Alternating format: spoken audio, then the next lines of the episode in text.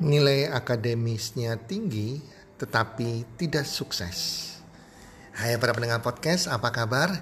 Di mana pun Anda berada saat ini, harapan dan doa kami semoga teman-teman dalam keadaan sehat walafiat bersama keluarga dan berbahagia bersama keluarga.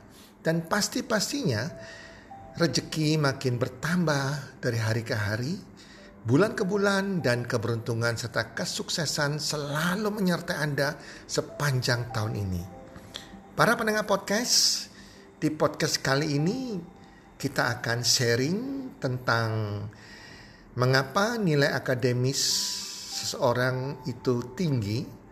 Mereka sekolahnya mungkin sangat pandai di kelasnya, sangat pandai di bidangnya, bahkan lulusnya cum laude. Tetapi setelah itu mereka tidak mengalami kesuksesan dalam usaha mereka, dalam bisnis mereka, dalam pekerjaan mereka, malah banyak mahasiswa atau murid-murid yang nilainya pas-pasan, standar saja, bahkan kurang pandai di sekolahnya, malah banyak berhasil di dalam karir dan bisnisnya. Kalau kita melihat dari orang-orang sukses di dunia maupun yang ada di Indonesia, para konglomerat, para triliuner, itu kita sadari bahwa mereka bukan orang-orang yang menduduki peringkat-peringkat tinggi di dalam sekolah mereka atau mereka memiliki nilai lulusan kumlot tetapi orang-orang sukses di dunia orang-orang yang super kaya di dunia mereka adalah orang-orang yang bahkan hanya SMA pendidikannya, bahkan cuma SD sekolahnya juga. Mereka bukan orang-orang yang punya nilai akademi yang tinggi. Mereka juga bukan orang-orang yang lulusan cum laude ataupun lulusan fakultas terbaik. Mengapa bisa demikian, teman-teman? Oke, teman-teman, di podcast kali ini saya akan menghadirkan rekaman suara dari Bapak Helmi Yaya. Helmi Yaya adalah seorang presenter, pembawa acara televisi, beliau juga penulis, dan beliau juga adalah Raja Kuis Indonesia, kreator kuis dan juga uh, program televisi ya yang banyak membuat sebuah program televisi dan Helmi Yaya menjelaskan di salah satu uh, sosial media beliau mengenai hal ini. Mengapa nilai-nilai akademis yang tinggi tapi tidak sukses? Yuk kita dengarkan sama-sama paparan dari Bapak Helmi Yayah.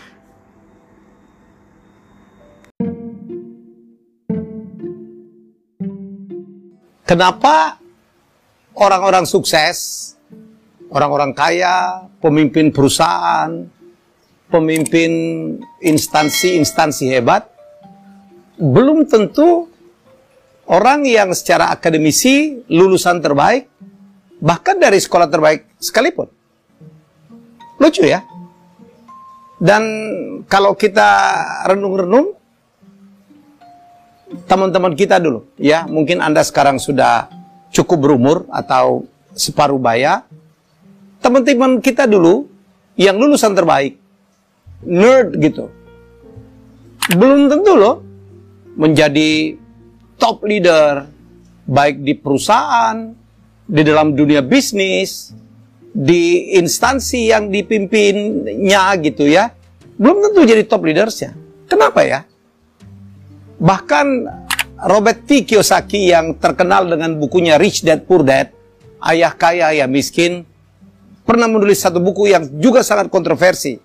Dia bilang kenapa mahasiswa yang lulusnya dengan nilai A justru bekerja ya kepada mahasiswa yang lulusnya dengan nilai C atau sedang-sedang saja.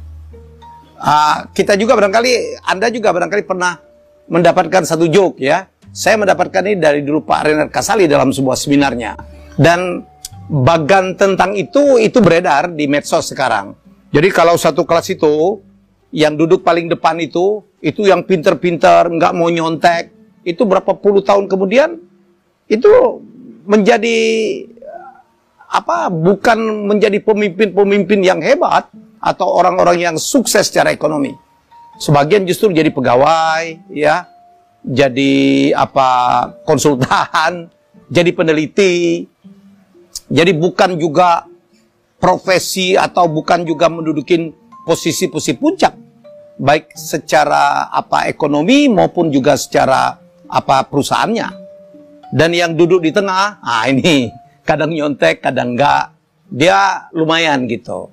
Dan yang duduk di belakang, yang dulu saya katakan kalau waktu kuliah itu nyontek itu harus itu, ya kan? Lulusnya nyaris-nyaris.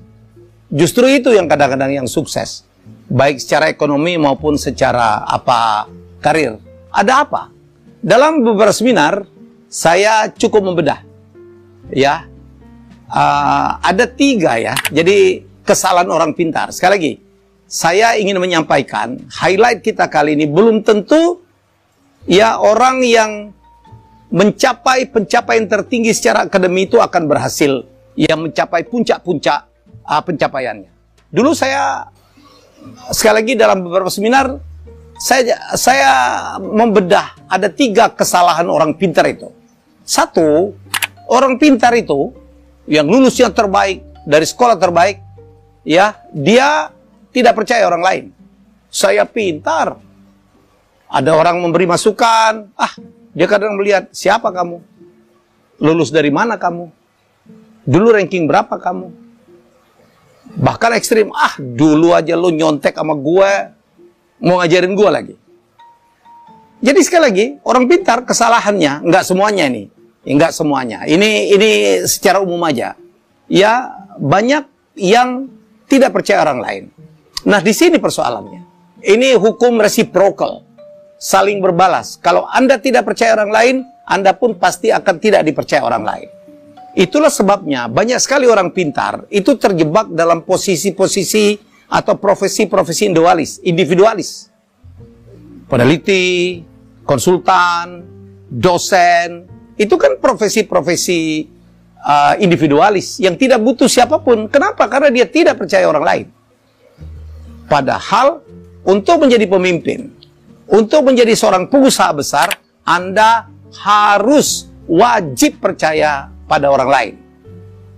Ya, bukankah seorang leader itu adalah harus mengerti manajemen. Dia harus ngelit manajemen. Dia harus menjadi manajer. Dia harus menjadi top manager. Anda tahu uh, definisi dari manajemen? Manajemen itu adalah bagaimana kita mencapai sesuatu, melakukan sesuatu melalui orang lain. Sekali lagi, kita melakukan sesuatu, mencapai sesuatu dengan menggunakan atau melalui orang lain. Makin banyak orang yang bisa di-manage, yang kita kelola, itu artinya Anda akan makin hebat sebagai manajer.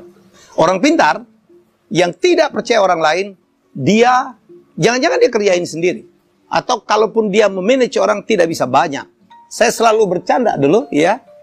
Uh, kalau seorang yang pintar banget itu mau jadi pengusaha restoran aja, jangan-jangan dia karena tidak percaya orang lain ya, nyusun menu sendiri, ke pasar sendiri, masak sendiri, dia takut dibohongin tuh, ngitung sendiri. Aduh, ya. Jadi kalau dia mau umroh aja barangkali perusahaannya harus tutup karena dia tidak percaya orang lain. Jadi sekali lagi, kalau Anda menjadi orang yang tidak percaya orang lain, Anda tidak akan menjadi manajer yang hebat. Manajer yang bisa mengontrol ribuan orang, apalagi puluhan ribu orang. Sekali lagi, kesalahan orang pintar itu rata-rata banyak. Kenapa orang pintar tidak selalu... Kan mestinya kalau orang pintar itu kan berbanding lurus, dia juga paling hebat dong. Pencapaiannya di masyarakat ternyata tidak.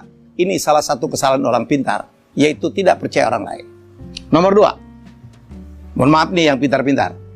Orang pintar itu cenderung sombong, cenderung saya katakan. Saya pintar, saya lulusan terbaik, saya dari sekolah terbaik, lu siapa? Ya, jadi, nah ini persoalan. Kalau anda sombong, ya, nggak ada orang yang suka dengan orang sombong. Kalau anda sombong, nggak ada orang yang mau nolong orang bagaimana Anda bisa menjadi pemimpin kalau orang yang Anda pimpin ya tidak suka dengan Anda. Wah, ada orang merasa paling pintar dia, paling keren dia gitu. Orang-orang begini, dia akan menjadi soliter-soliter gitu, yang tidak ada orang yang mau bantu. Jualan susah, sombong. Ya, minta tolong orang, orang nggak mau bantu. Bahkan nih, saya selalu bercanda. Percayalah sama saya, ya. Dengar ucapan saya. Orang sombong itu, sekali lagi, orang sombong itu kan tidak disukai orang lain. Ini lebih ekstrim lagi.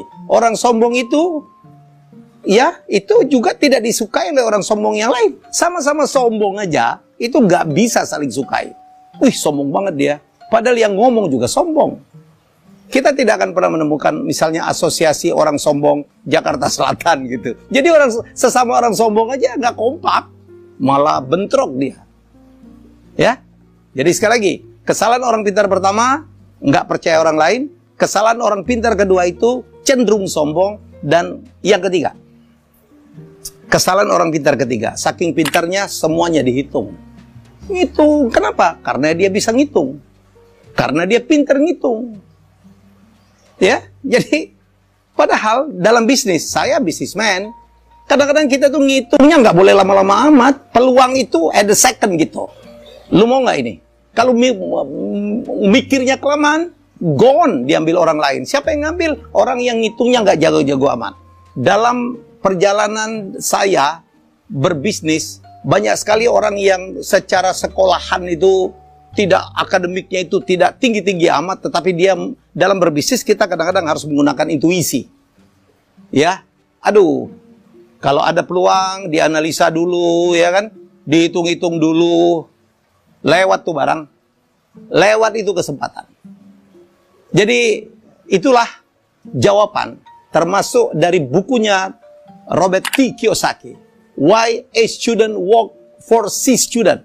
Kenapa mahasiswa dengan nilai A gitu justru bekerja kepada mahasiswa yang lulusnya dengan nilai pas-pasan C? Inilah kuncinya. Ya jadi sekali lagi, kalau ngelihat ini, gak ada untung-untungnya lo jadi orang sombong itu. Ya, jadi buanglah kesombongan kita. Bergaullah, hargailah semua orang, Ya, karena jadilah pribadi yang menyenangkan. Untuk profesi apa pun yang kita tekuni, ya, kita harus menjadi orang yang menyenangkan. Jangan jadi orang yang sombong. Dalam perjalanan hidup saya, saya bertemu dengan demikian banyak konglomerat di Indonesia. Sopan-sopan loh. Wah, luar biasa. Kadang-kadang membungkuknya lebih dalam dari kita. Ya, kita makan disendokin, ngomongnya pelan. Jadi ini adalah pelajaran hidup. Ya, ini adalah pelajaran hidup. Ya. Jadi buanglah apalagi kita sudah di masyarakat. Kita pernah jadi juara apa, kita pernah menjadi lulusan dari mana kadang-kadang begitu kita ter, menceburkan di masyarakat itu nggak kelihatan lagi. Banyak sekali orang yang sekolahnya nggak tinggi-tinggi amat gitu secara akademi ya berhasil menjadi konglomerat kepintaran itu tidak hanya ditunjukkan dengan apa prestasi akademik. Banyak sekali orang yang sekolahnya tidak tinggi-tinggi amat tetapi ya apa ya? financial quotientnya, emotional quotientnya, kecerdasan emosinya, kecerdasannya dalam finansial itu mengalahkan siapa pun. Ya, banyak sekali orang-orang yang sukses itu Sekolahnya mungkin tidak tamat SMA seperti Likasing ya. Saya pernah cerita tentang Likasing. Ingat uang tiga investasi itu? Tetapi, waduh, kalau berbisnis sama dia detail. Dia belajar. Ah, saya menemukan seorang konglomerat sekolahnya tidak tinggi. Kerjanya apa? Komisarisnya adalah profesor-profesor, doktor-doktor, pakar-pakar yang tiap seminggu sekali dia makan tuh. Pakar itu berdebat dan dia menyerap terus. Dan Akhirnya apa? Dia paling pintar, lebih pintar dari profesor mana pun. Profesor itu disuruh bisnis tidak paham. Karena tadi, ya mungkin profesornya termasuk orang pintar, iya kan? Ngitungnya kelamaan. Ya, jadi kadang-kadang kita tidak bisa menilai kesuksesan seseorang. Ya, track menuju sukses hanya dengan apa melihat sekolah. Tapi bukan berarti saya Saya tidak tidak sepakat tuh yang dalam Rich Dad Poor Dad atau buku Robert T. Kiyosaki sebelumnya. Menurut saya, saya sangat tidak sepakat. Kiyosaki sebelumnya menulis buku If you wanna get rich and be happy, don't go to school. Kalau mau bahagia, ya, dia bilang jangan ke sekolah. Contohnya siapa? Bill Gates. Bill Gates itu tidak tamat kuliah. Eh, Bill Gates itu adalah drop out dari Harvard. Masuknya aja susah. Ini kadang-kadang dijadiin contoh. Tapi Anda lihat sekarang, orang-orang kaya, mulai Mark Zuckerberg, Sergey Brin, segala macam adalah orang-orang yang cerdas dalam bidangnya. Jadi kalau saya wrap up nih, kalau saya simpulkan, ya saya selalu meminta jadilah yang terbaik dari sekolah yang terbaik, tetapi tidak boleh punya tiga kesalahan tadi. Ya, salahnya apa? Tidak percaya orang lain, harus percaya dengan orang lain. Ya, seorang manajer yang baik adalah bisa melakukan pendelegasian wewenang kepada orang yang tepat. Nah, di situ tuh kalau Anda pintar, Anda bisa melihat mana orang yang bisa dipercaya, mana yang tidak. Nah, itu kepintaran tuh di situ tuh. Nomor dua, nggak boleh sombong. Buang itu semua kesombongan. Nomor tiga, boleh ngitung. Harus ngitung. Ada investasi, hitung. Tapi jangan lama-lama. Kepintaran Anda ditentukan oleh kecepatan Anda dalam mengambil keputusan secara terukur penuh dengan perhitungan. Itulah uh, inspirasi dari saya. Semoga bermanfaat. Marilah kita menjadi orang yang menyenangkan, tidak sombong, percaya dengan orang lain, dan hitung ya seluruh kemungkinan investasi, tapi tidak boleh lama. Kita jumpa lagi dalam episode selanjutnya.